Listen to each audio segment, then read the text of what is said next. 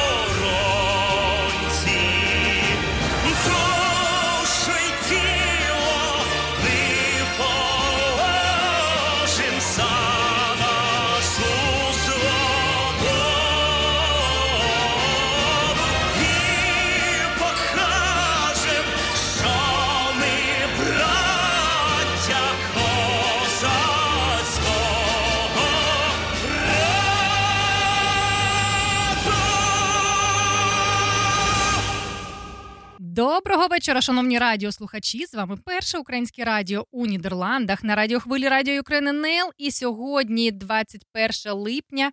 І з чим я вас вітаю? Сьогодні п'ятниця. А я, його ведуча Олена Зашивайко.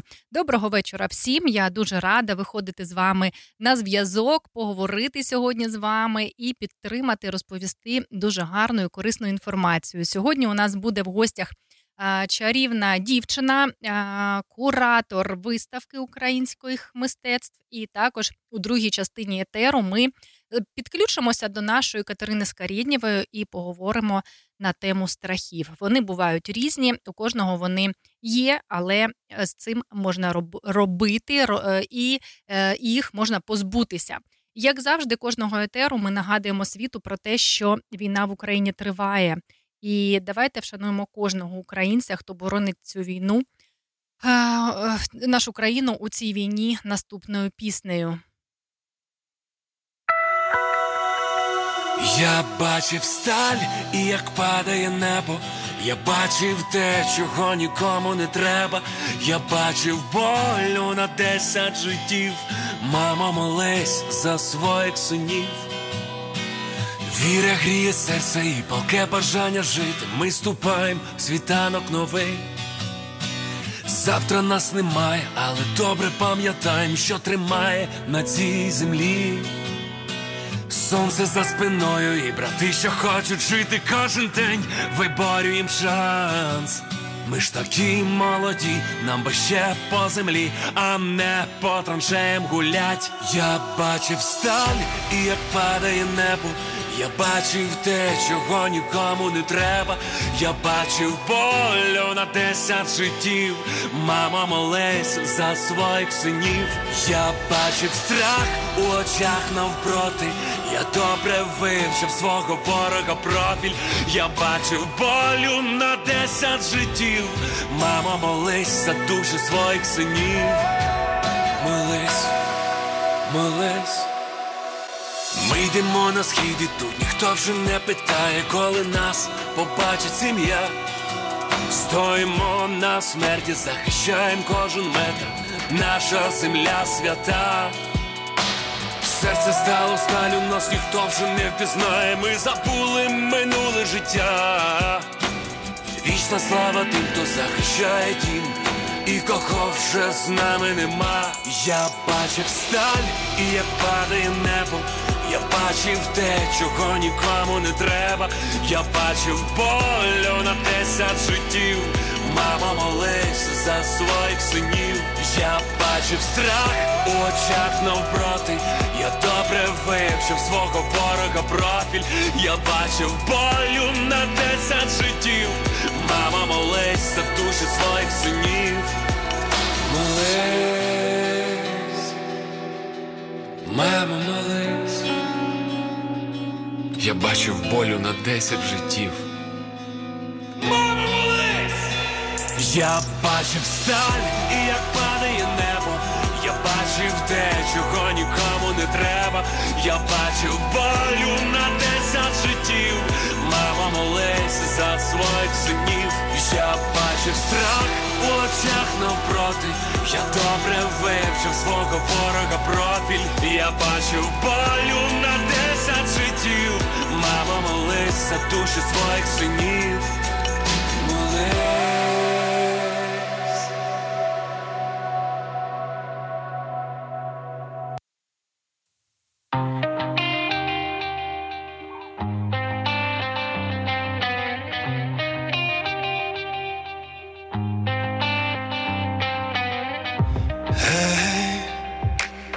Не переймайся, все окей, гей, настане завтра новий день, все трапляється в житті, часи бувають непрості.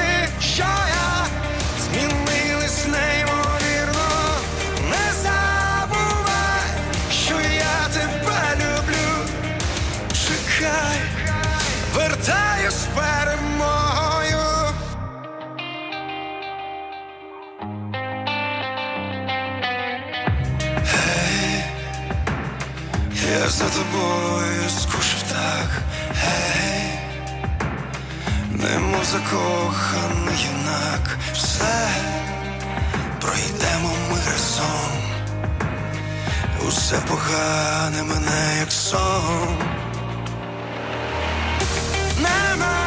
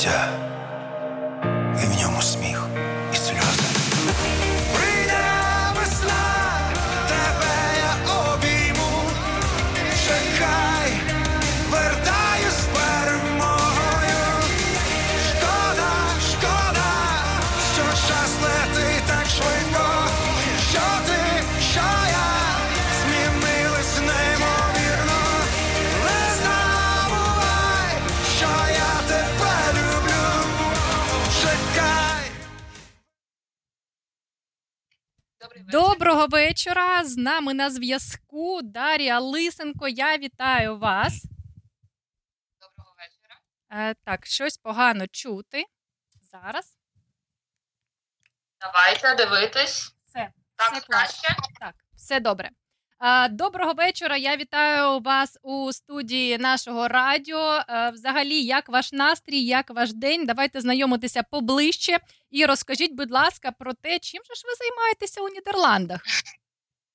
Е, Давайте. Е, Дуже рада, що е, маю можливість бути на першому українському радіо в Нідерландах. А власне, я тут так само, як і більшість українців, біженка. Я більше року, вже півтора року, так знаходжусь в Нідерландах, якщо точніше в місті Гага. Е, я мистецтвознавець. Я до великомасштабного вторгнення працювала в Національному художньому музеї України, і коли я сюди приїхала, у мене була така ну гостра потреба якось ну допомогти так, як я можу, саме на місці. Поширювати і... українську культуру, так? Так, Інформацію. і не просто підтримувати українську культуру, а розповідати про війну. Е, І я дуже рада, що мені це вдалося е, саме з українським сучасним воєнним плакатом. В е, Газі, в центрі Гаги, е, є такий музей, який називається Дизайн Музеум Дедель. Тобто це дім Деделя, якщо коротко. Е, він знаходиться біля Гротенмаркт.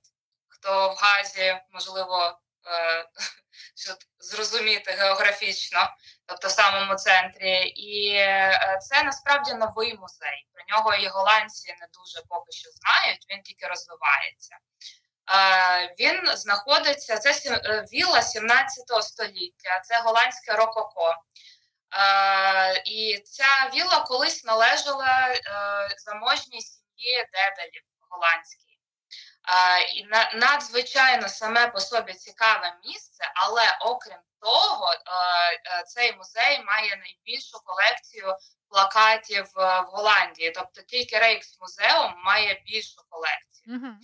І На місці історія... музеум. Ну так.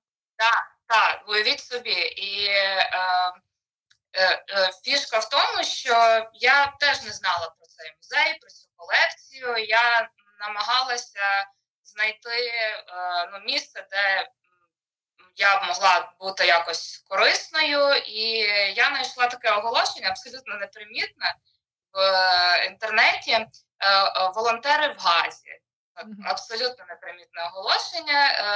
Що якщо ви хочете бути волонтером з будь-якої фаху, будь-що, то забийте в пошуковик і будь ласка. І от я забила музей і вибив один музей єдиний.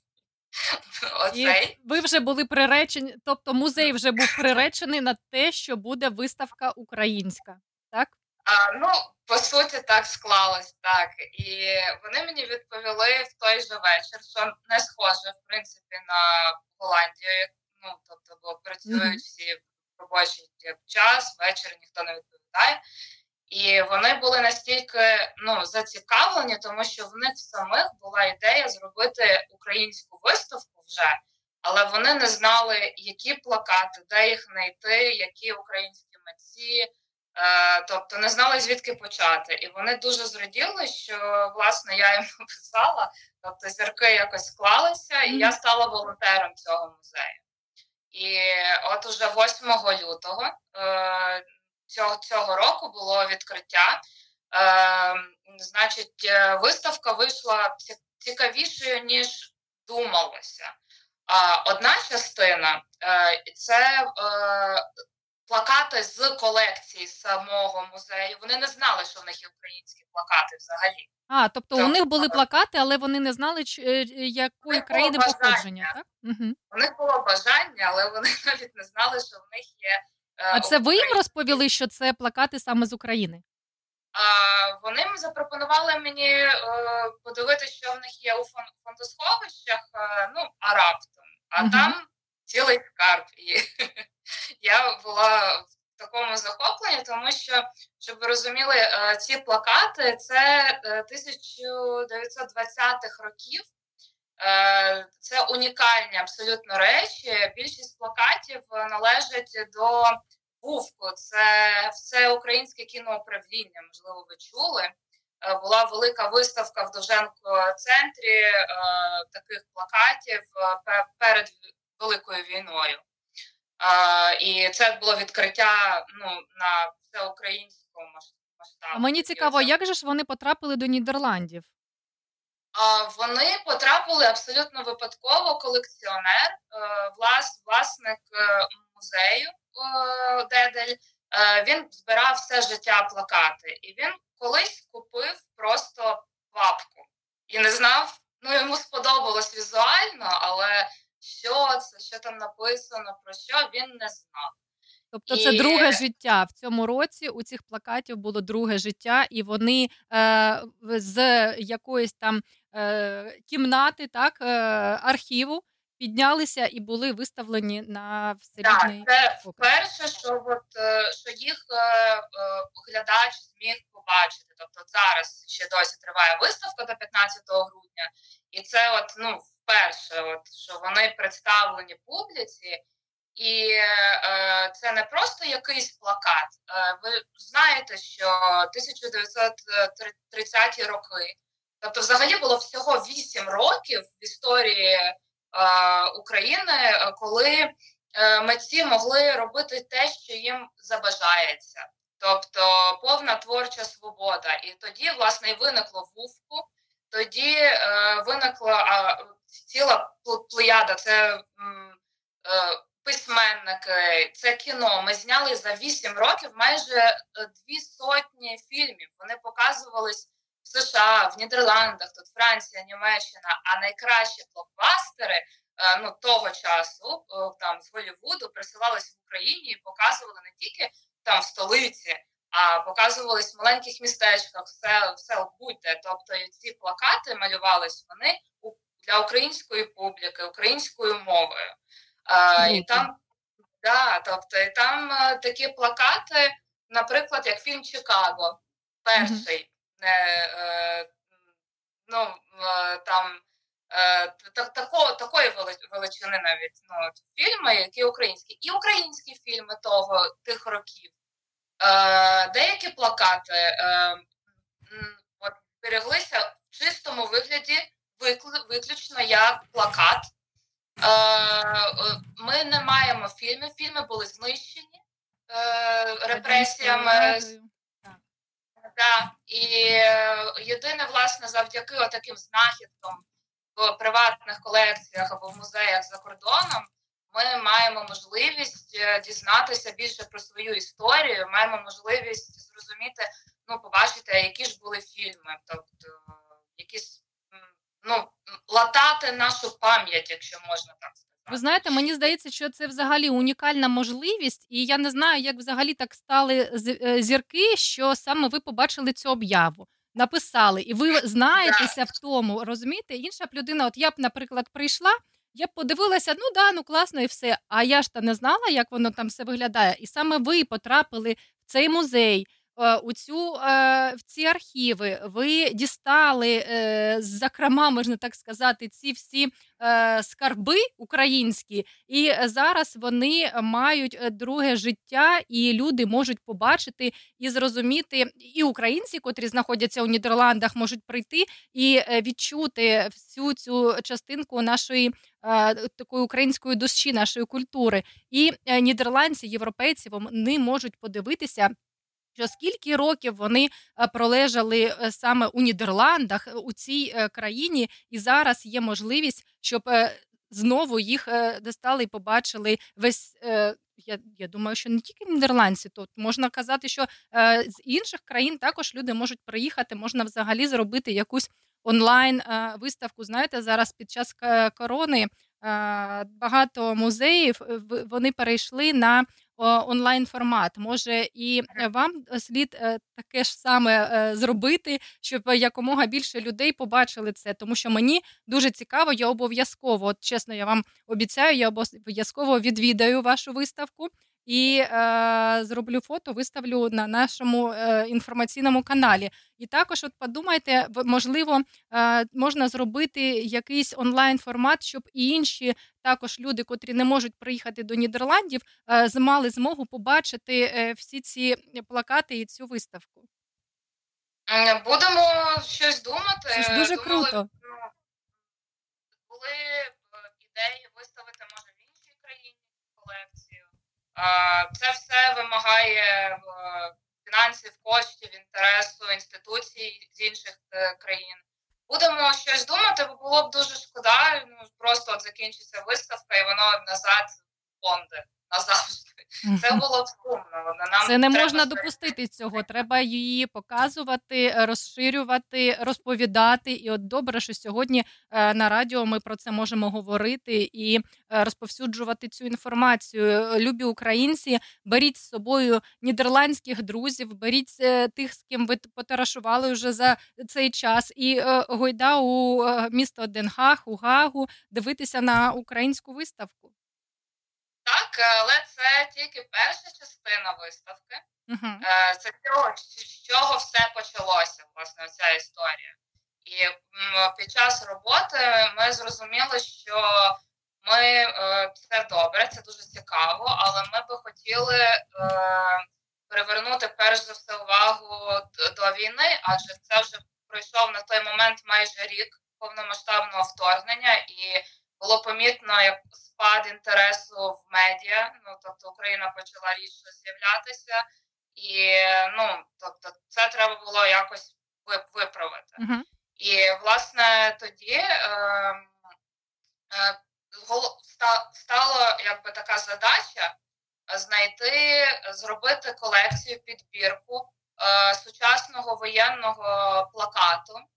Е, найкращих е, митців з України, які живуть в Україні і працюють саме ну е, зображують е, нашу війну от 2022 року.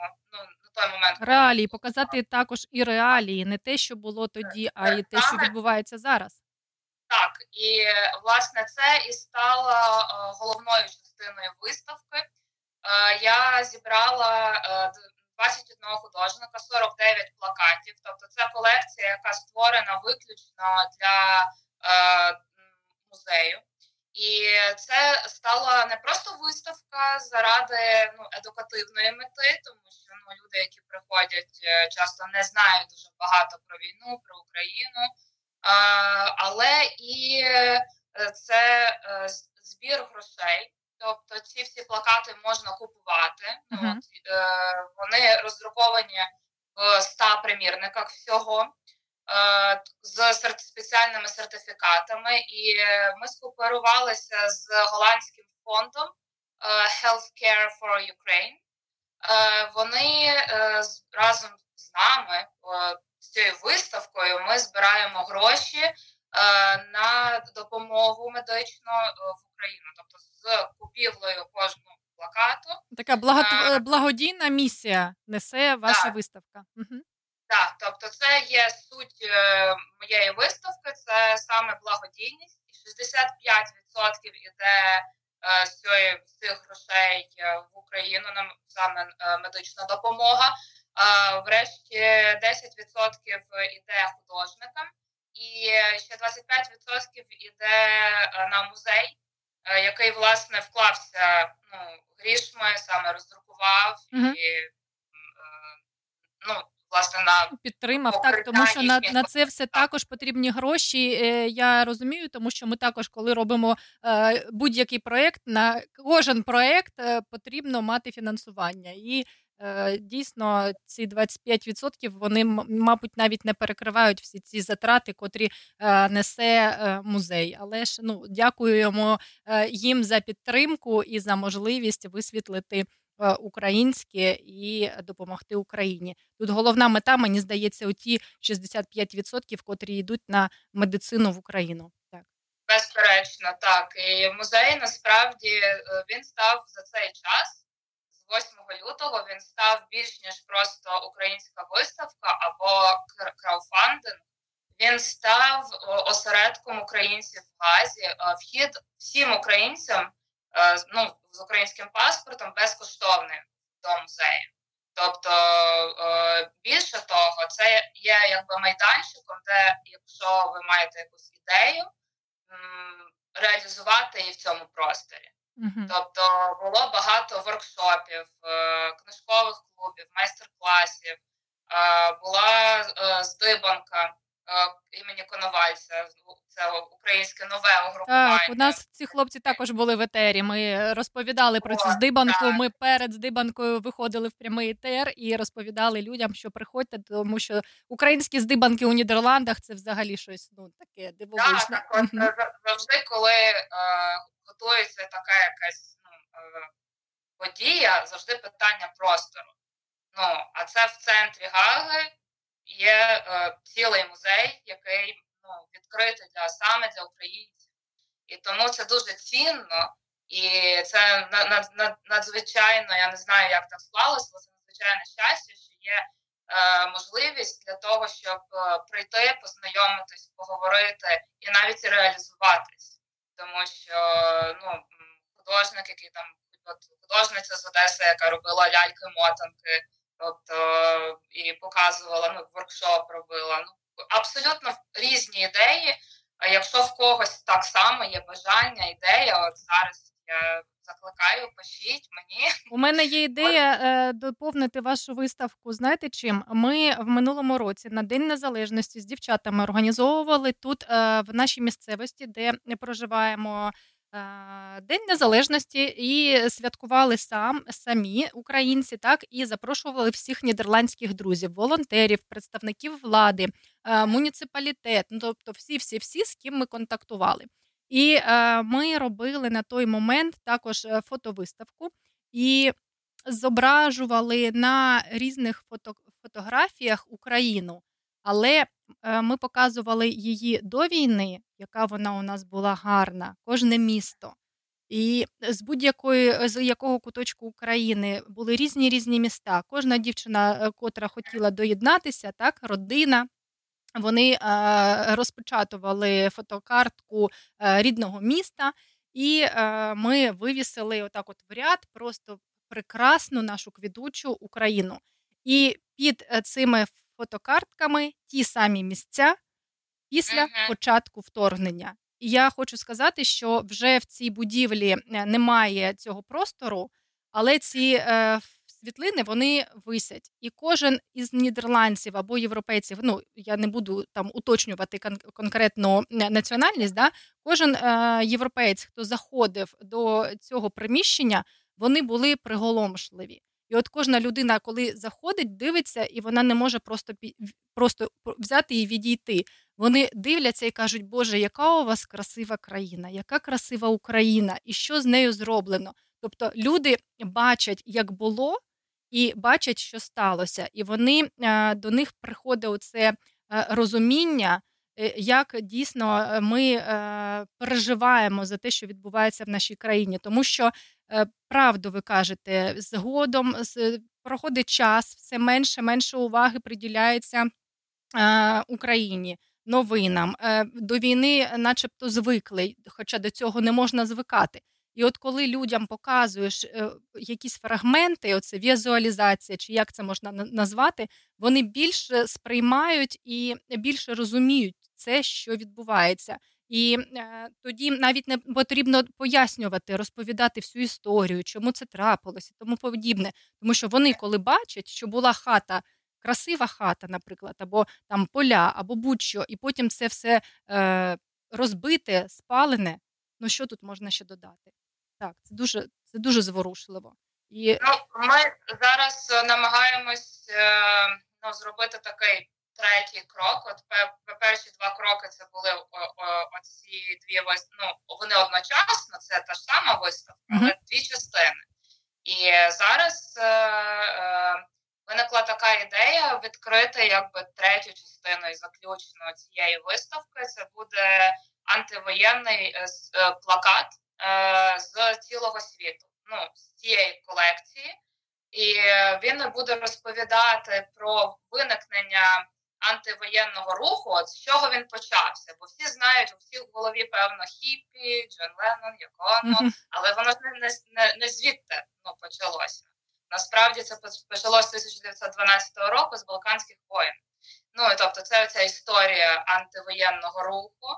Е, І е, це якби з відкриттям цієї виставки ми хочемо запросити відвідувачів знову ж таки на українську виставку, яка, до речі, я ні разу не згадала назву. Називається Ukraine People Courage Posters. Uh-huh. Тобто ми хочемо з цим відкриттям залучити публіку знову до виставки про Україну, до теми про Україну і до того, що до збору коштів на допомогу Україні. Тобто найближчим часом ми зробимо і і, і, і таке і таке відкриття. Я пропоную е, вам надати інформацію. Ну вже в особисті повідомлення. Ми збережемо обов'язково наш ефір. Буде подкаст. Е, кожна людина зможе зайти. Е, хто сьогодні не був з нами у прямому ефірі, передивитися, переслухати. І обов'язково під цим відео ви знайдете адресу. Куди можна завітати і подивитися на виставку, і задонатити на підтримку з е, України. Добре, класна ідея. Так. так. Я хочу сказати, що кожного разу, коли ми запрошуємо гостей до нашої студії, то вже після інтерв'ю е, я прошу побажати щось від себе для українців. Тож, що-небудь. Е, я можу побажати лише одне е, витримки внутрішньої, тобто, щоб цей запал, я знаю, що дуже складно. Е, інколи здається, що ну коли не бачиш кінця перед перед собою, що е, ну якби важко витримати, але треба мати цю витримку. Чому через те, що ми переможемо, і цю віру треба нести в собі, е, не забувати і просто з кожним днем знати, що ми ще на один день ближче до цього дня, до перемоги.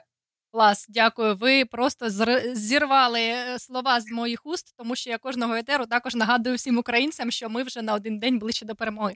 Дякую вам, дякую вам за ваші знання, за вашу експертність. По перше, тому що якби ви цього не знали, то не було б ніякої виставки. Дякую за вашу ініціативність, за вашу енергію, е, рішуче йти вперед і розказувати взагалі світові, що відбувається, що війна відбувається в Україні. Е, дякую за те, що ви знайшли такий е, спосіб допомагати медицині українській. І продовжуйте. Я бажаю вам сили, натхнення, рухатися вперед, нових ідей, нових проєктів. І я хочу дуже, щоб ми з вами зустрілися вже не онлайн, а офлайн, або у нашій студії, або на ваших проєктах, і познайомилися поближче. Я вас обіймаю, гарного вам вечора. Обов'язково будемо на зв'язку. Обов'язково продовжуйте, не зупиняйтеся, і все буде Україна. Бувайте. Дякую. Запрошую всіх до музею. Так, а ми за під цим відео напишемо адресу і куди, і о котрій годині, о котрій дні працює е, музей, і коли можна прийти, подивитися і задонатити. Так? Так, так. Добре. Бувайте. Все добре. До побачення.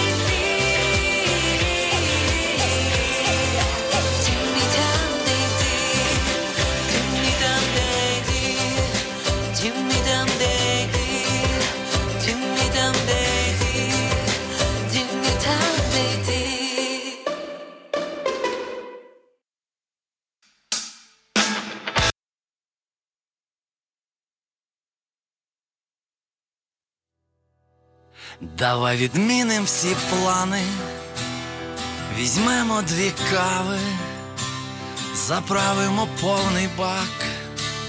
І рванемо кудись просто так, де немає тривоги, де прямі всі дороги, де всі діти щасливі, живуть у мирній країні.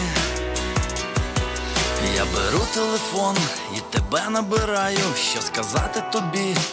Я точно знаю, хочу з тобою життя все прожити, бути щасливим і просто любити. Ніжно тебе обійму, сильно за руку візьму. Коли ми удвох, то нікого немає. Нехай весь світ зачекає. Давай відміним всі плани. Візьмемо дві кави, заправимо повний бак і рванемо кудись просто так, де немає тривоги, де прямі всі дороги, де всі діти щасливі, живуть у мирній країні. Я сумую, коли тебе поруч немає, але разом з тобою про все забуваю. Ми на сьомому небі і все по феншую. Коли чую твій сміх, я від тебе кайфую, ніжно тебе обійму, сильно за руку візьму. Коли ми удвох, то нікого немає. Нехай весь світ зачекає. Давай відміним всі плани.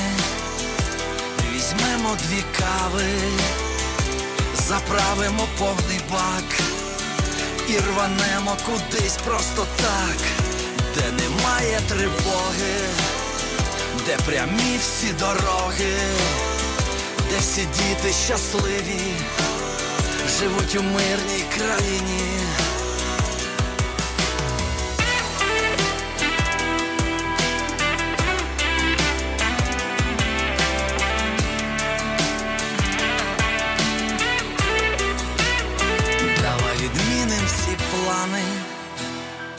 Візьмемо дві кави, заправимо повний бак і рванемо кудись просто так, де немає тривоги, де прямі всі дороги, де всі діти щасливі, живуть у мирній країні.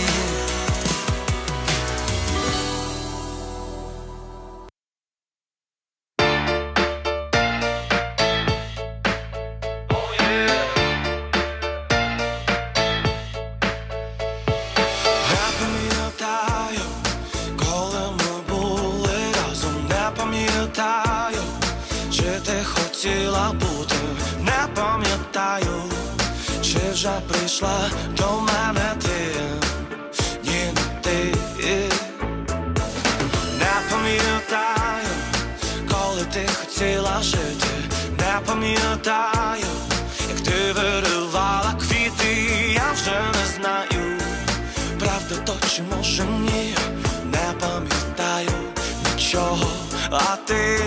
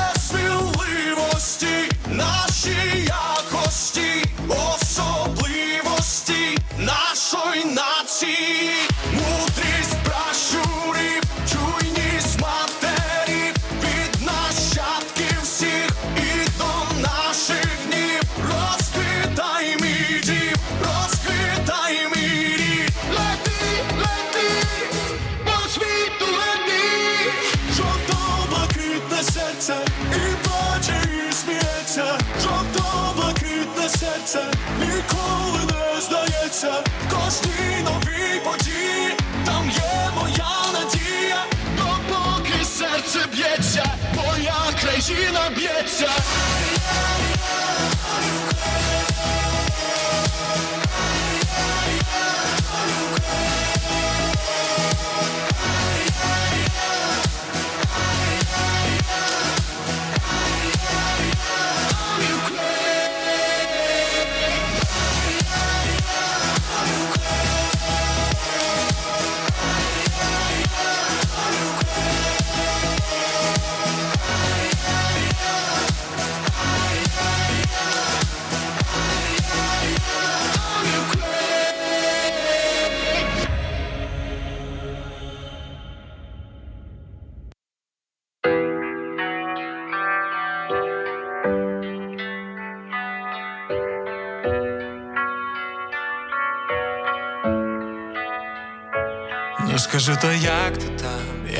Там, чи не згадуєш по ночам? Ну скажи то, як ти там, як ти там, між кордонами? Ну скажи то, як ти там, як ти там, чи не згадуєш по ночам? Ну скажи то, як ти там, як ти там, між кордонами? Всюди разом до зірок, ей. Я тебе прошу, зроби крок. Усе коридорами, дорами, дорами, горами, полями до тебе й долами. Хоч нам зараз не до казок, ей, але не тисни на курок. Усе між заборами, борами, борами, горами, полями до тебе й долами. Ну скажи то, як ти там, як ти там, чи не згадуєш по ночам? Ну скажи то, як ти там, як ти там, між кордонами? Скажи то, як ти там, як ти там, чи не згадуєш по ночам? Ну скажи то, як ти там, як ти там, між кордонами? Я чекаю на тебе у своїй країні, я чекаю на тебе, дивлячись на новини, я чекаю на тебе. Поруч кулі летять, може більше вийде мені тебе обійняти, та я вірю у тебе, я вірю в країну, та я вірю у себе. Знаю, що все можливо, і я знаю, напевно, зможу все подолати, бо рідніше за тебе мені вже точно нема. Ну скажи то, як ти там, як ти там, чи не згадуєш по ночам? Ну скажи то, як ти там, як ти там, між кордонами? Ну скажи то, як ти там, як ти там, чи не згадуєш по ночам? Ну скажи то, як ти там, як ти там, між кордонами?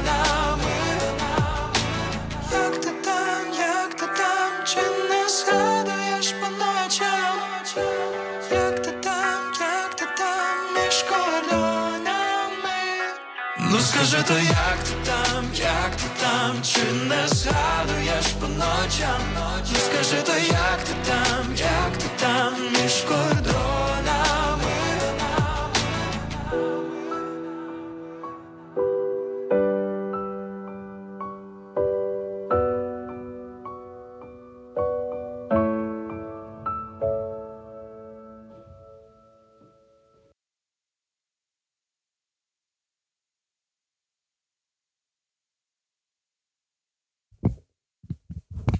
Друзі, ми знову в етері першого українського радіо у Нідерландах на радіохвилі Радіо Україн НЛ. І зараз чекаємо на підключення нашої психологині Катерини Скарєднєвої і розпочинаємо нашу рубрику п'ятничну рубрику психологічної підтримки. Всім привіт, хто приєднується.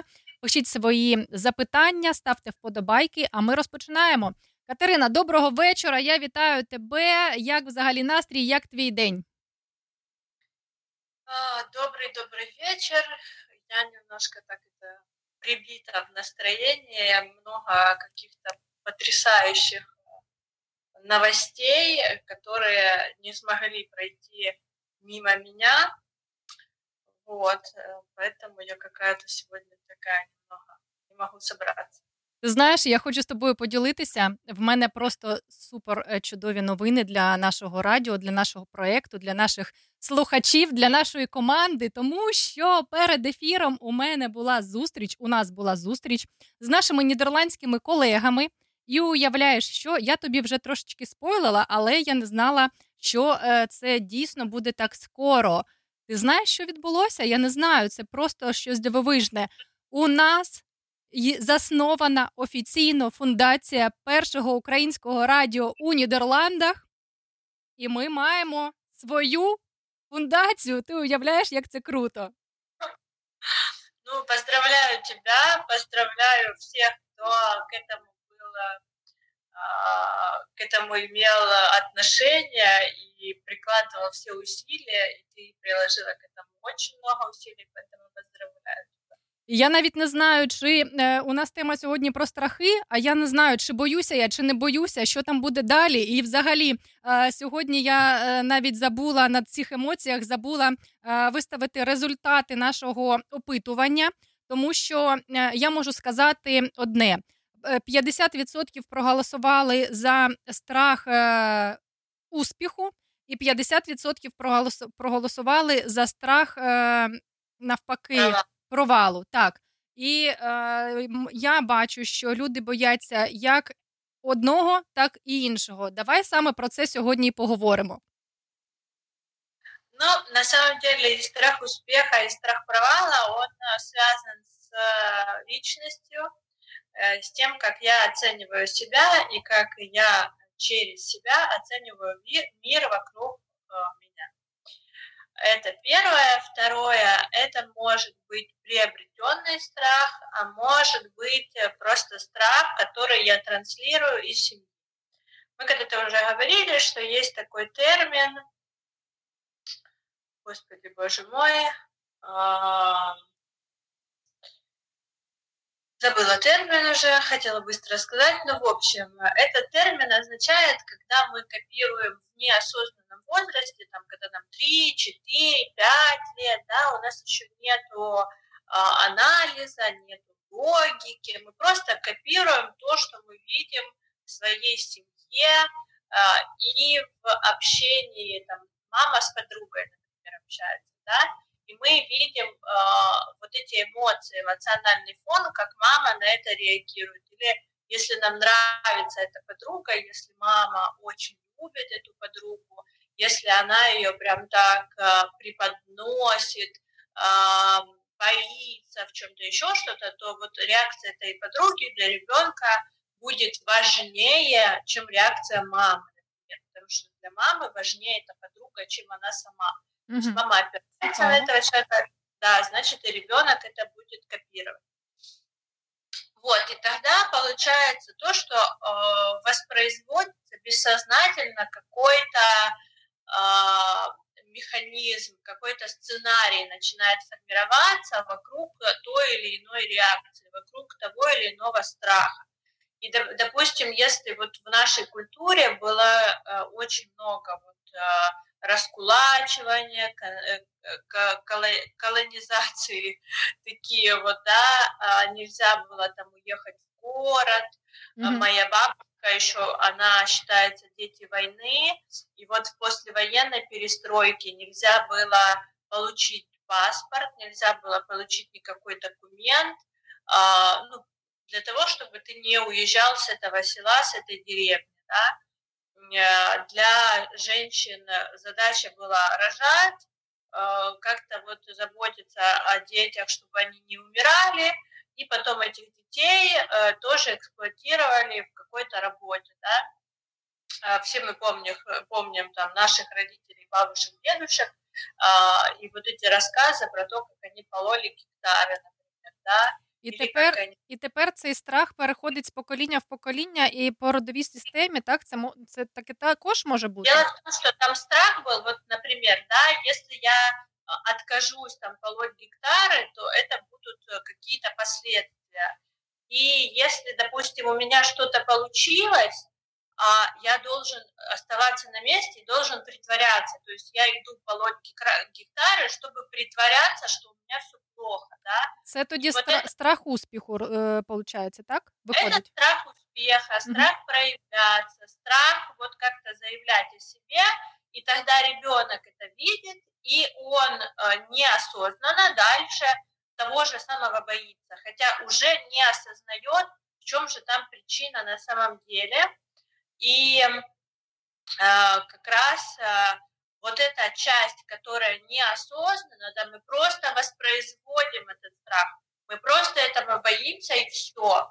И как это объяснить, никто не знает. Вот я не хочу заниматься бизнесом, да, то ли это адекватный, э, разумный анализ, да, у меня нет необходимых э, качеств личности, чтобы я могла там продвигать свой бизнес и могла делать его успешным. Э, успешным. Мне проще пойти на работу с 9 до 5 отсидеть в офисе, сделать свою работу, получить свои деньги и адьос, да.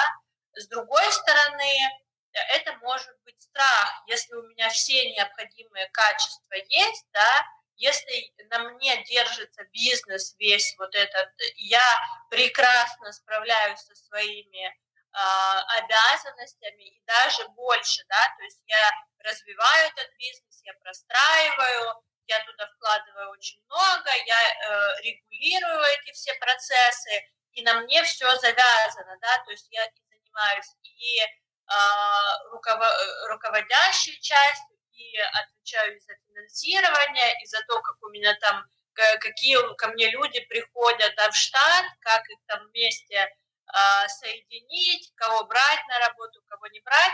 Ну, мы знаем таких людей, да, но при этом они налаживают чужой бизнес. Mm-hmm. И не рискуют брать свой, и не рискуют даже смотреть в ту сторону, да. То есть, хотя по сути, в принципе, э, ну, была бы твоя вся прибыль, да, а так ты просто на зарплате и все. И здесь уже можно говорить о том, что есть вот этот страх успеха, когда, например, там э, мы можем посмотреть, э, что в семье у дедушки был, дедушка работал директором на заводе, и у него был вот этот, у нас сейчас тревожный чемоданчик из-за войны, а у дедушки был тревожный чемоданчик, потому что в любой момент могли приехать і забрати його, да, і там і хтось там донос написав. Ну, і моїй і... бабусі також постійно, вона також дитина війни, і в неї е, постійно під кроваттю були і консервація, і цукор, і мило, порошки, сірники. Тобто, це вже також був сформований страх на все життя, і людина е, до е, літнього віку, ну вже до старості, вона постійно щось зберігала, сушила сухарі, хоча можна було піти в магазині і купити все, що тобі потрібно. Але коли людина пережила е, голод, так або ну будь-яку ситуацію в своєму житті, в неї вже воно відложилося, і отак, от вона це транслювала. І я пам'ятаю, як вона все е, зберігала, щоб в неї все було. Ну тобто, це не тривожний чемоданчик, а це така була тривожна е, хата, квартира. Що ну, якщо будь-що в неї є там на півроку, як прожити, як пропитатися, чим помитися, чим постиратися, ну і тому подібне. Тобто люди е, це несуть і скрізь усе своє життя. Але ж з цим можна працювати, так? Ти як психолог, розкажи, чи можна з цим я щось робити? Э, С этим можно работать. Есть очень много исследований. Еще Карл Густав Юнг э, в 1902 году писал о том, что э, э, семья и на самом деле семейная система, да, он вообще э, уникальный психолог, один из уникальных величайших психологов. Он знал э, шесть языков, и он очень, он вообще, его мечта была быть археологом. Но поскольку отец умер, а семья у них была бедная, а дедушка работал в Базельском университете, э, он был зав кафедры, или на кафедре он работал медицинской, он был врачом, то э, у Юнга, в принципе, был единственный вариант пойти учиться на врача, вот, чтобы пойти на стипендию. И он пошел учиться на врача и пошел учиться на психиатра, потому что психиатр это была такая непопулярная профессия, туда шли все двоечники, э, вот, и туда пошел Юнг. И вот как он позже писал, это уже был промысел. Он был из религиозной семьи, его отец был проповедником, а, пастором, и его вообще вся, вся э, теория началась, весь интерес к психологии начался с любопытства к эзотерике. А поскольку он знал шесть языков, он э, читал вот эти алхимические какие-то трактаты и труды в оригинале. Угу. И э, очень интересно то, что еще тогда, ну, у нас же вот эти все направления, они смешиваются уже сейчас, да, и, но еще тогда он писал о том, что э, ну, из семьи у нас э, очень много чего идет. И вот эта семейная система, она в любом случае на нас влияет. И э, что интересно, он писал, э, например, если встречается в одной семье в воплощении душ э, э, жертва и насильник, вот они в прошлой жизни был, был жертва и насильник, а в этой жизни они воплотились в одной семье, то в этой семье будет шизофрения. Mm. Ось чому есть, люди шизофренією хворіють. Да, то есть это такая возможность души закрыть вот этот цикл, э, потому что, ну, как бы считается, что если я в этой, э, в этой жизни насильник, да, то в следующей жизни я буду жертвой. И потом после того, как я жертва, я опять насильник. Собственно говоря, психология, она что тогда, что сейчас позволяет закрыть вот эти вот э, проблемы, э, осознав их и проработав да, и вот эти все страхи, которые связаны с личностью, страх успеха, страх провала, страх э, там, больших денег, страх э, отделиться от семьи, страх э, быть плохой матерью или плохим отцом, да, вот этот корень страх, что я себя туда не пускаю, и тогда вокруг вот этого страха я формирую некий сценарий жизни, который я воспроизвожу и, собственно говоря, передаю его по наследству своим детям. Но когда мы начинаем работать, мы смотрим, откуда, какая причина. Это семейная система, это бабушка моя так делала, теперь я бессознательно это воспроизвожу. Есть такая ситуация, когда часть находится на уровне сознания, а часть бессознательно. И тогда мы смотрим, как мы это можем дотянуть. А, в принципе, ну, опять же, универсального совета нет. Э, единственное универсальное, что я могу сказать, это то, что преодолеть свой страх, ну, это ніхера не работает. Ну, я тільки хотіла же... спитати, знаєш, якщо людина боїться висоти, а що піти, наприклад, стрибнути з е, парашутом, воно допоможе чи ні? Чи у нього серце там, чи у неї серце стане, і ніякого ніякої боротьби зі страхом не відбудеться? Ну, я, як це? як, Яка порада буде в такому випадку? От, наприклад, я боюся змій. Що мені в такому випадку треба робити? Ну, ты знаешь, я не могу тебе сказать, что вот если ты боишься змей, то пойди э, в террариуме и поцелуйся со змеей, да, и страх твой уйдет. Но страх, у этого страха может быть э, абсолютно куча причин. Может быть адекватная причина, да, потому что змея – это опасно. Змея – это, ну, она может быть ядовитая, она может, э, ну, как бы меня убить, да, и тогда это связано со страхом смерти, это связано с тем, что защитой, и если я ничего не знаю о змеях, то, ну, как бы я буду этого бояться. Один из вариантов начать изучать змей, да, какие они там опасные, какие они опасные, и тогда, когда я вижу змею, тогда я, ага, вот эта змея, она не опасная, она ест птицы, даже если она меня укусит, максимум, что будет, это температура 37, да, а потом я вижу эту змею, о, а это опасно, если она меня сейчас укусит, я умру. Ну, бояться этого или нет, ну да, безусловно, будет страшно. То есть здесь надо еще выделять как бы адекватность ситуации. Если вот у меня сестра, на нее наступила лошадь, у нее был этот сложный перелом ноги, и она теперь боится лошадей. Mm-hmm. То есть, да, безусловно, безусловно, с этим страхом можно работать и как-то вот это все снизить, чтобы не было вот этих панических состояний, чтобы это просто был э, такой адекватный страх лошади, что я могу на нее смотреть, меня не охватывает паника при этом, да, но идти на ней кататься я больше не буду, потому ну да, что ну, это Так, буває таке прям цепеніння. Е, Якщо ну, страх він же ж е, по-різному проявляється. От саме за ЗМІ, да, наприклад, чому я одразу сказала, що я там боюсь ЗМІ, тому що один раз в моєму житті була така ситуація, що е, хлопці, ну ще в підлітковому віці, там вони дуркували, взяли, спіймали чи вуштубив, чи якась там інша змія. Вони е, її запхнули у пластикову е, таку банку, чи що там воно. І вона ж зі стресу, чи що в неї там була е, змога якось вибратися звідти, вона не розуміла, що їй там треба виповзти. І вона почала так от кидатися в цю в цій банці і прям з цими зубами, знаєш, так от прям було так страшно. І я пам'ятаю це. Як я дивлюся, вона прям мені в очі дивиться і отак от прям накидається. Знаєш, її стримує лише банка. І в той момент я відчула такий страх. Я дивлюсь на неї, як ото кажуть, кролік, е, кролік і змія, да, коли жертва вона сама така підходить, підходить. Я дивлюсь на неї, я розумію, що вона не може е, через ту банку нічого мені зробити. Але в цей момент я відчула такий страх, мені було так страшно. У мене просто віднялися ноги, я не могла нічого сказати. І оце реально був один раз в житті. В мене такий страх, що я взагалі я не знаю, що зі мною тоді втрапилося.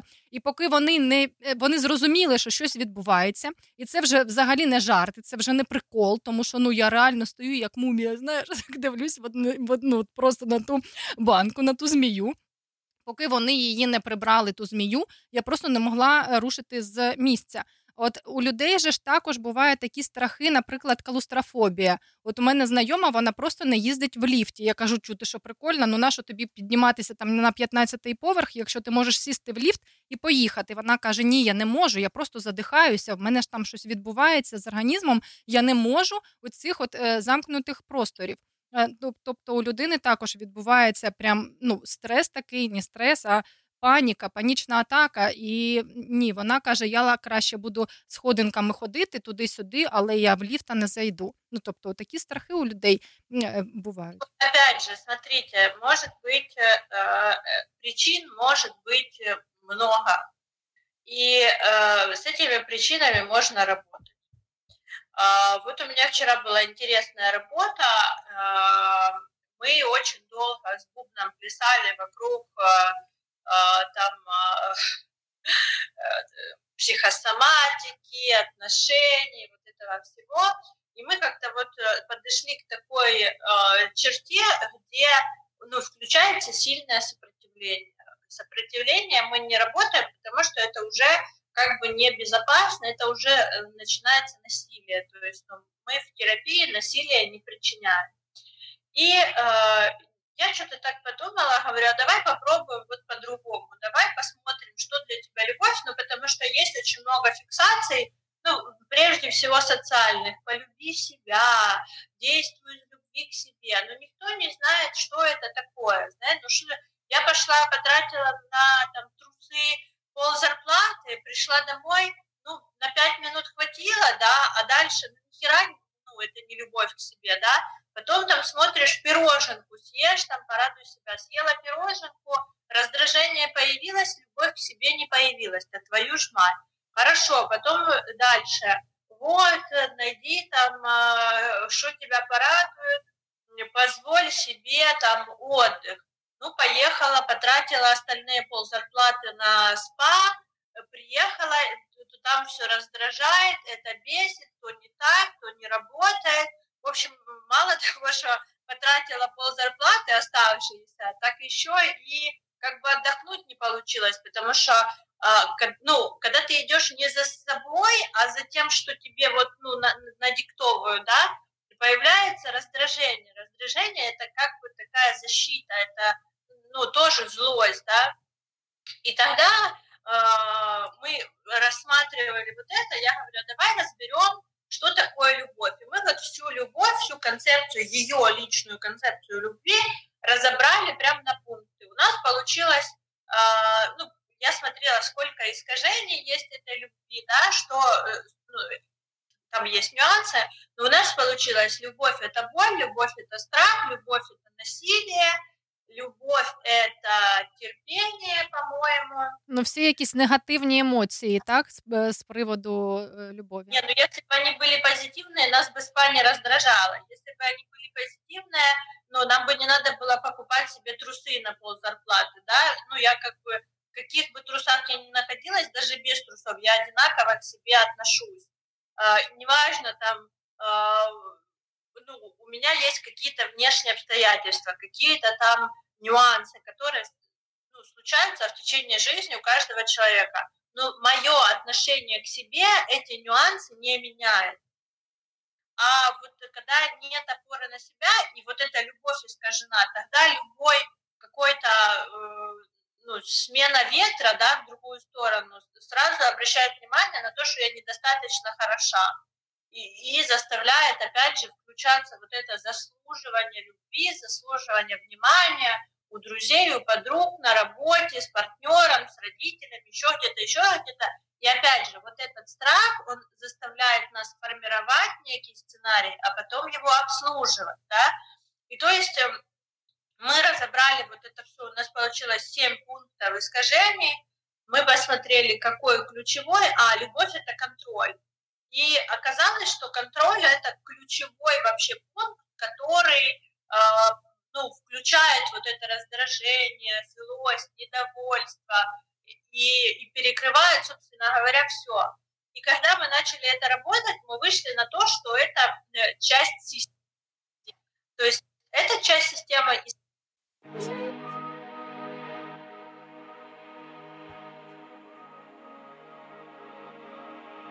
Друзі, у нас підвіз інтернет. Зараз, напевне, будемо е, закінчувати підключення і зустрінемося з Катериною вже у наступних рубриках. Поки що пишіть свої е, питання, ставте вподобайки, і будемо розбирати інші дуже важливі теми з приводу психології.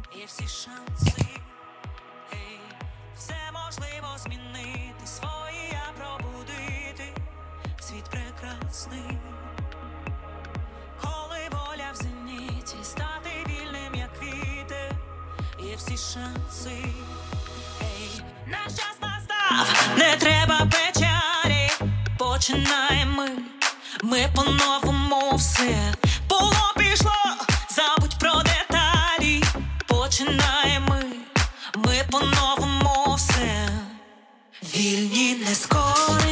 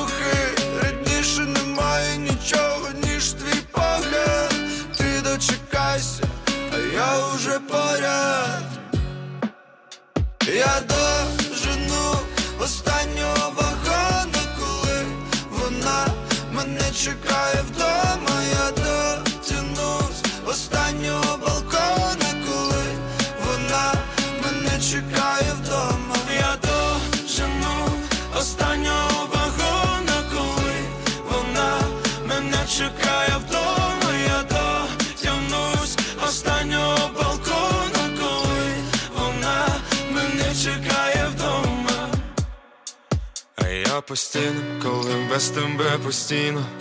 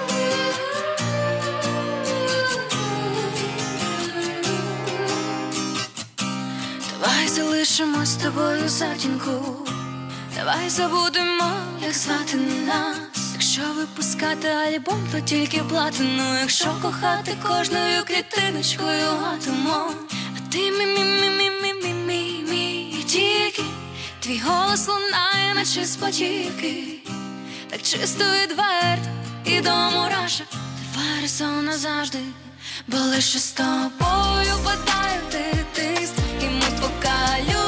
never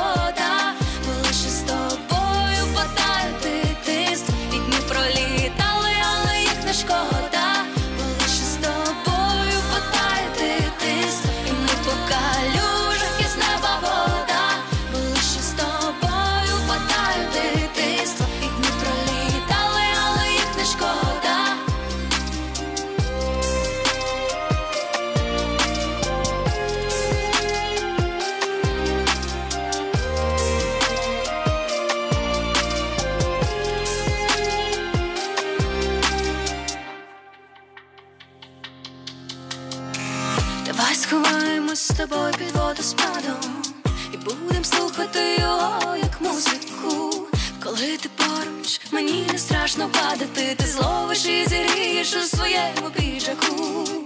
А ти мі мі мі мі мі мі мі мі тільки з'явився несподівано, не звідки. Наше небо і земля це наші сітки. а ми тільки вперед, бо лише стоп.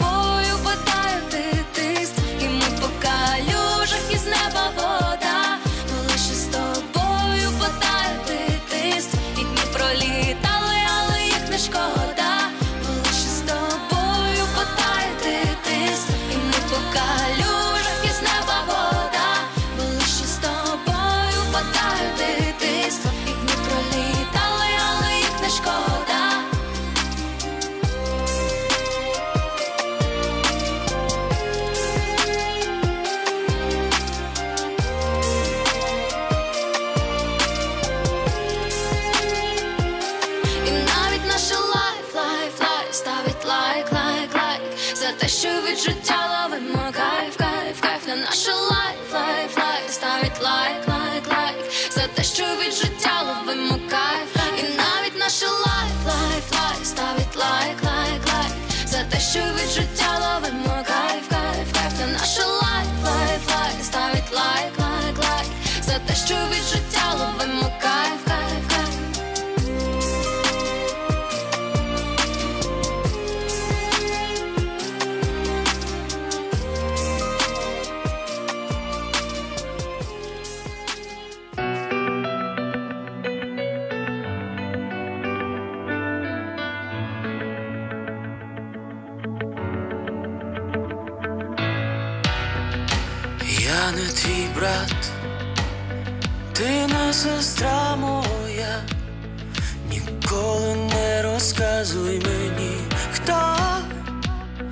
і в чому є винен на нашій землі.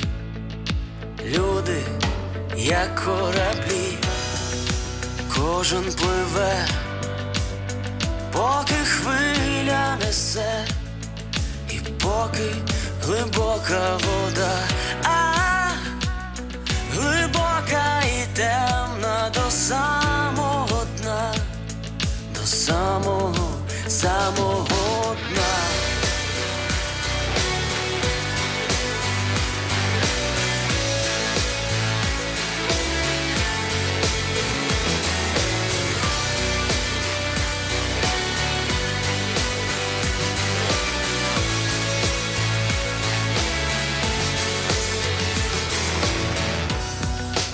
на глибині зустрічаються всі, так ніби в морі місця нема, а і труться бортами, аж стогне земля. Від зависті, підлості зла, хтось не доплив, набрати повні трюми води, е, постати героями тої війни. Дуже хотіли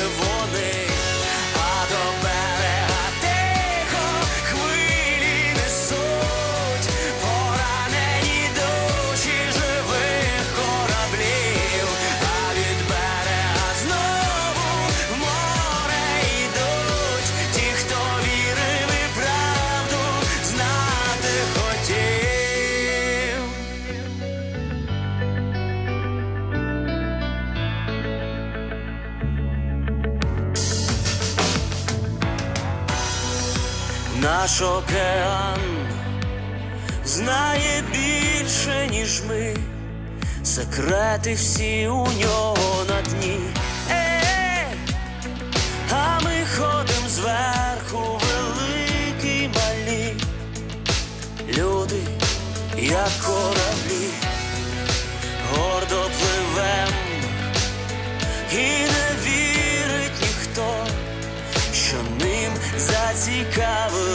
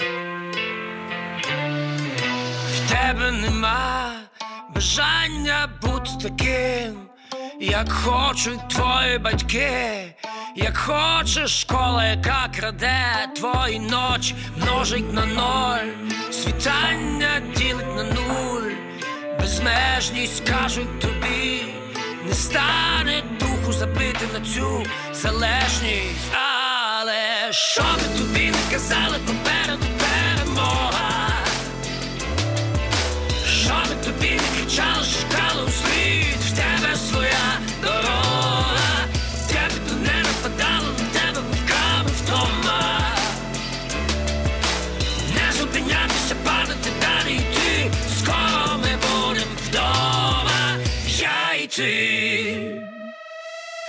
тебе нема.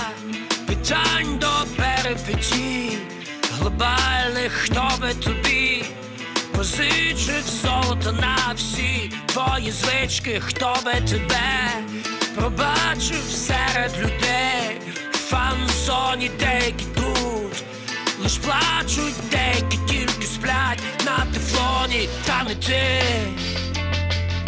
бо то не ти.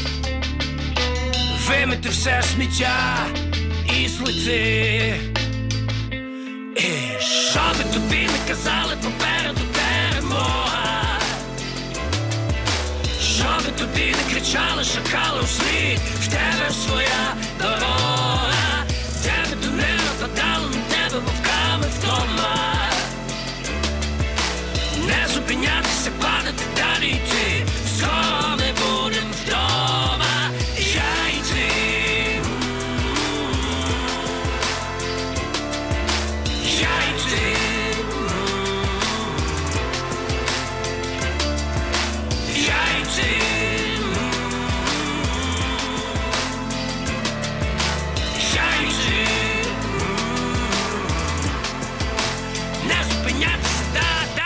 далі. Хто плювали би у спини, хто похвалить тільки фене, хто папіру крутить з ними, тим, хто проти тебе стане, і по факту без будь то фокус на частини, тебе зменшить на третину, тільки тени, не, підись надалі, не переменити вам душу мою, як не прикрутиш, мати, як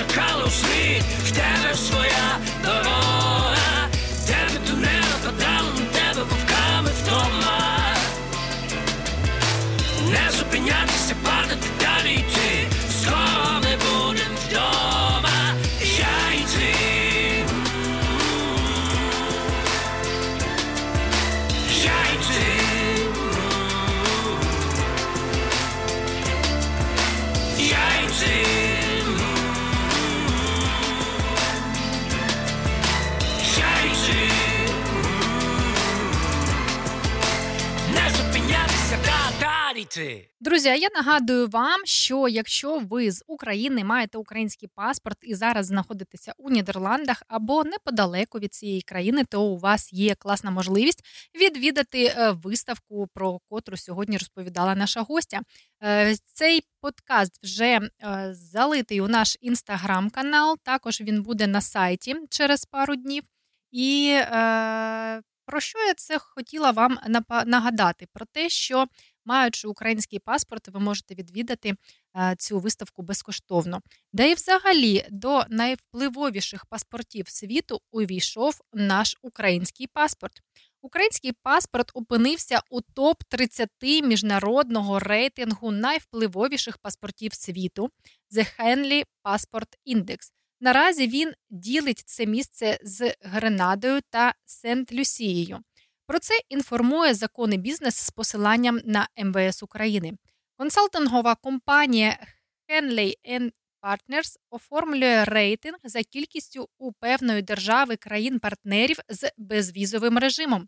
Одну позицію можуть посідати одразу кілька країн. І, попри понад рік війни, українці отримали можливість у рамках безвізу їздити ще до трьох країн: Джибуті, Ізраїлю і Суринам. Таким чином, громадяни України, маючи біометричний закордонний паспорт, можуть відвідати уже 146 країн світу без візи або з візою після прибуття. І також я хочу вам нагадати, а може розповісти, хто цього ще не знав. Я, ведуча першого українського радіо у Нідерландах Олена Зашивайко, започаткувала е, у Нідерландах до, е, також у Нідерландах, тому що я тут проживаю, е, такий туризм для українців. Якщо ви хочете подорожувати, якщо ви хочете а, поїхати е, до будь-якого куточку Європи у моїй компанії, то ви можете написати мені в особисті повідомлення, запропонувати е, місце е, проведення нашої зустрічі, або слідкуйте за всіма анонсами на моїй сторінці Олена Зашивайко Travel, де я публікую всю інформацію про організацію туристичних турів тому що дуже багато людей приїхали зараз е, в європейські країни. Е, без сім'ї, е, без другої половини, в, в, в самоті, так, і не мають компанії саме з ким провести час або подорожувати. І в мене з'явилася така ідея, що ми свій нетворкінг будемо розширювати так не тільки е, в студії першого українського радіо у Нідерландах, а й у різних куточках е, світу, у різних куточках Європи, у різних е, куточках Нідерландів, і взагалі нас нічого не обмежує, тому що коли ти вже виріс до достатнього рівня, то ти маєш можливість не дивитися на будь-які обмеження і тебе нічого не стримує. Тож, е, кому цікаво, обов'язково пишіть мені, і я допоможу вам з тим, щоб класно провести час і е, провести тур, туристичний, туристичну подорож.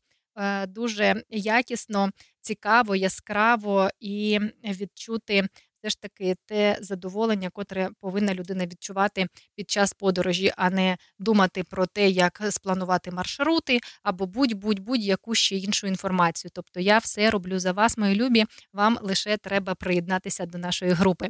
І також ще е, є така інформація, що якщо ви хочете навчитися подорожувати самостійно, знати, де вибирати найвигідніші тури, як бронювати квитки на літаки, на автобуси, будь-будь-куди з дуже класною вигодою та економією, також пишіть. Пишіть е, в наш телеграм-канал Project, е, Radio Ukraine Project, або мені в особисті повідомлення. Я також вас буду додавати до навчання. Це навчання є безкоштовним і воно допомагає розширити кругозір, побачити ті можливості, котрі є взагалі у будь-якої людини на цій планеті, тому що подорожувати е, декілька разів на рік може кожен, може кожен, і це е, е, зовсім легко і вигідно робити, якщо ти знаєш такі туристичні штучки, лайфхаки, і взагалі дуже багато якої є корисної інформації. Щоб ваша відпустка і подорож пройшла як найпродуктивніше, якнай Е, класніше, драйвовіше або навпаки спокійніше, е, без е, виносу мізків і тому подібне. Тож звертайтеся, я буду щаслива, якщо комусь мої знання принесуть допомогу. І, в принципі, чекаю на ваші повідомлення в особистих у себе у соціальних мережах.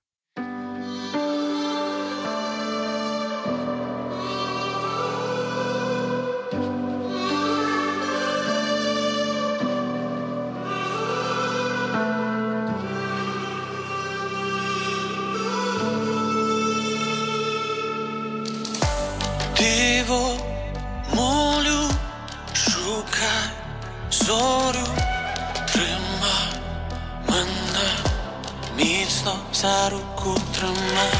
Спитай, скажу, як я люблю, літай, літай, літай зі мною.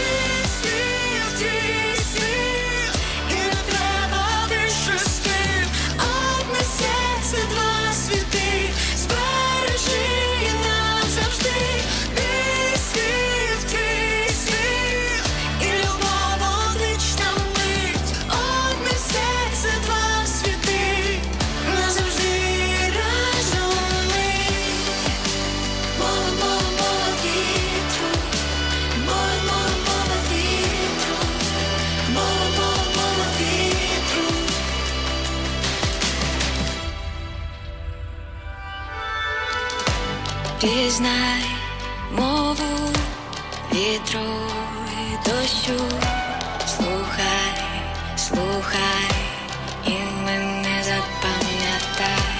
Плекай волю, пісню свою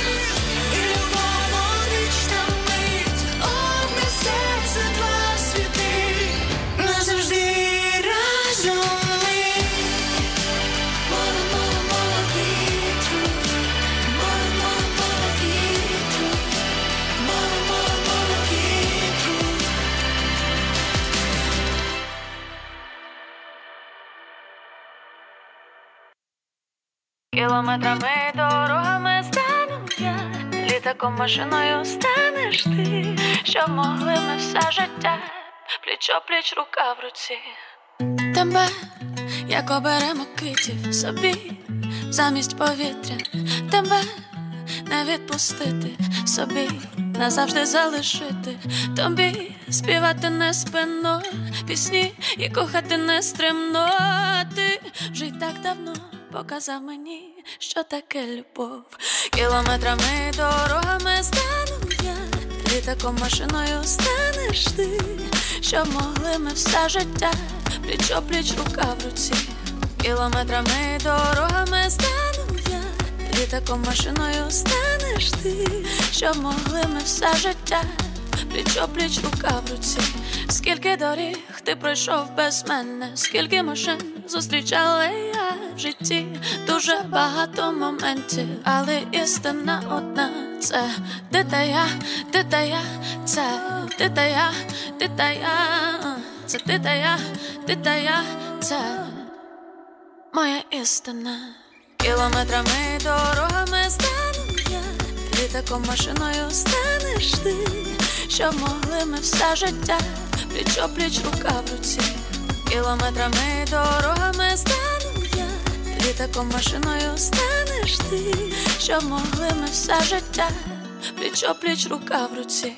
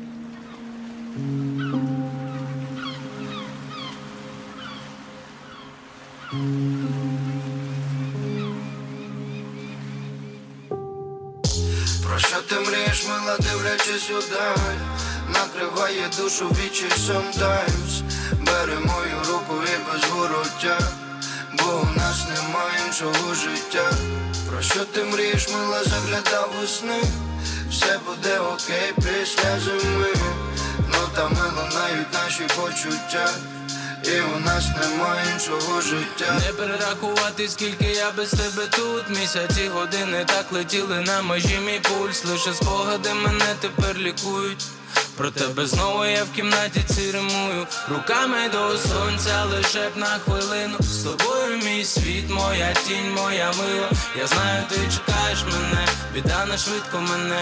І ми повернемось додому, і він нас обійме Вогонь, що горить душі, зігріє тільки нас. Спокій, дорожче золотих прикрас. Ми вдвох, і краще нічого нема але накриває думки sometimes. Про що ти мрієш, мила, дивлячись удаль Накриває душу вічі sometimes. Бери мою руку і без вороття Бо у нас немає іншого життя.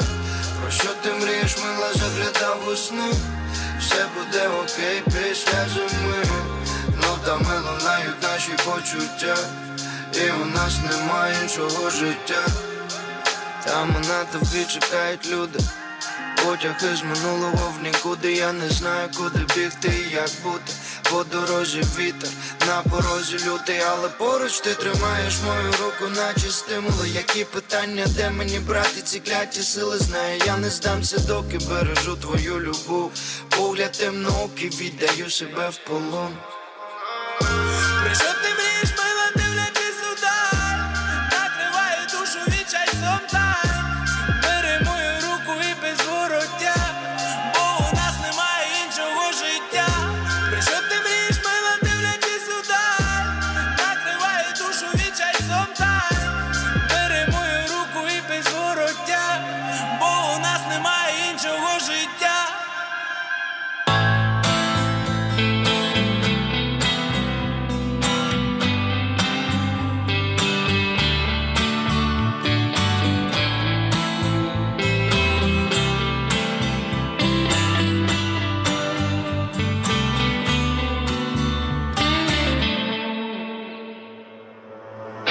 закінчилось все, ми знову одні на різних кінцях планети Землі. Була моїм ідеалом, а я був твоїм, та вмить все змінилось, як в п'єсах митців, і не важливо, як до, важливо, як зараз отямся.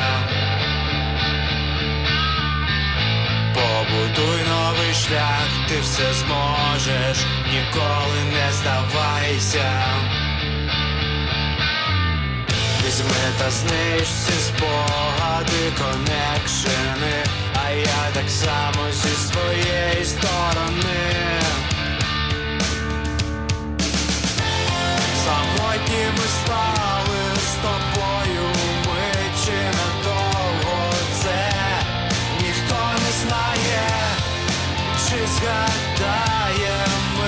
щось про наше життя,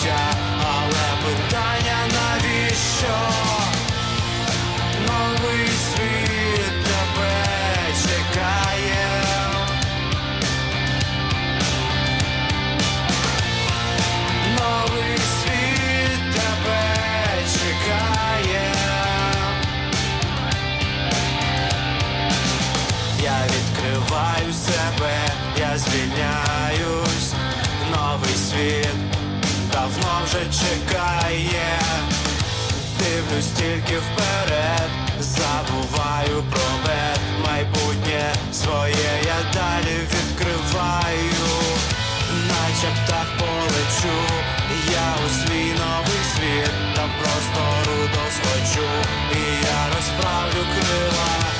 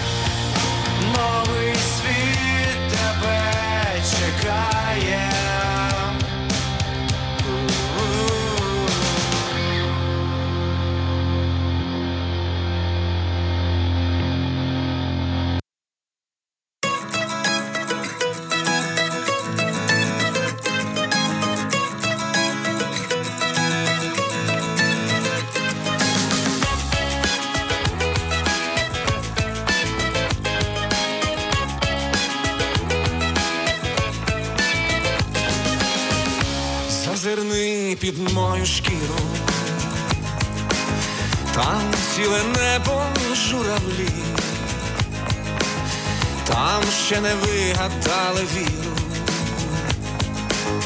і море повне кораблі,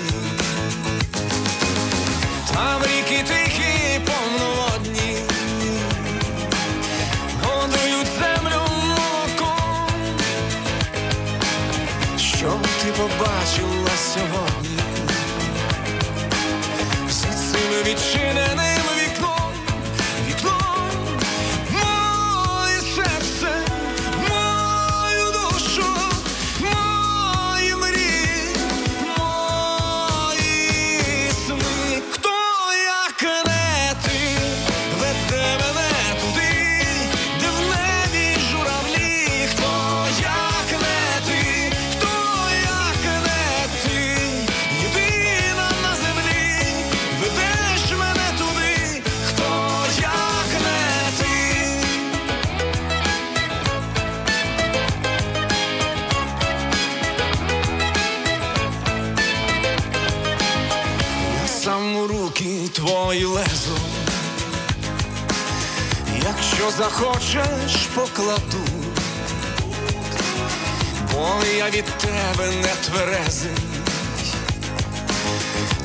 все одно до тебе йду.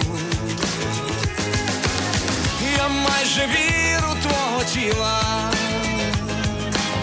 прийняв за істину в собі. Бери усе чого хотіла. Я віддаю лише тобі, тобі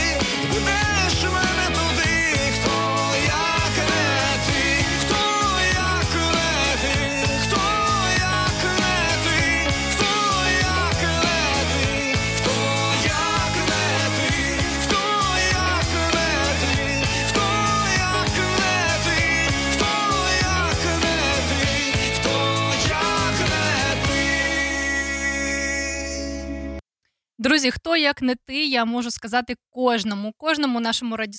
радіослухачу, хто приходить слухати нас, е, приходить і е, підтримує нас, хто виходить з нами на прямі етери, всім своїм е, гостям, всім колегам, команді, нідерландським партнерам, своїй подружці Наталі, моєму коучу, ментору. І взагалі дуже хорошій жінці. Я хочу сказати, хто як не ти веде мене туди. І якби не ви, е, не було б нашого проекту, не було б нашого першого українського радіо у Нідерландах, і взагалі багато чого іншого б і не було. Не було б нашого і світового нетворкінгу, і психологічної підтримки, і дуже багато чого іншого.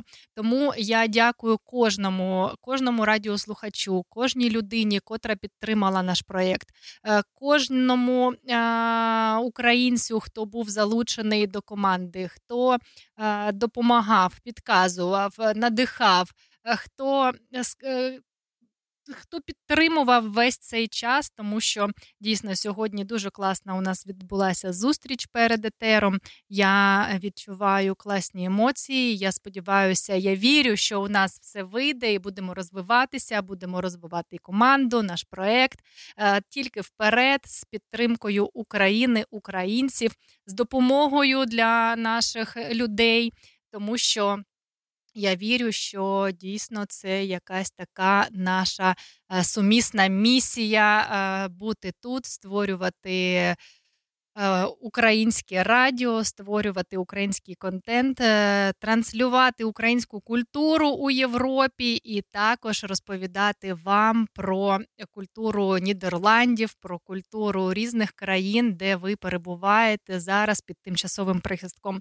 Хочу, е, як завжди, сказати слова вдячності всім, хто підтримує, хто допомагає. Особливо нашим нідерландським друзям і партнерам це е, Dorps Radio, на базі якого ми виходимо в етери і користуємося всією цією апаратурою та й взагалі каналом. І також хочу сказати, що е, незважаючи на будь-що, ми ще на один день ближче до перемоги. І обов'язково перемога України буде. Вірте в це, допомагайте нашій армії, донайте на ЗСУ, і будемо святкувати вже обов'язково будемо святкувати перемогу України. Я бажаю всім гарного вечора. Я бажаю всім гарних вихідних. Обіймаю, люблю вас. Бувайте всім пока. З вами була я, Олена Зашивайко, і це перше українське радіо у Нідерландах.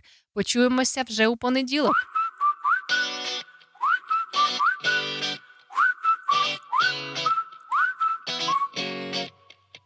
Палаючи вогнем своїм. серцях ми маємо забути слово жах, тримаючи, тримаючи долю в своїх руках. Ми знаємо, чуєш, знаємо, що вірно, що не так. Добрий ранок,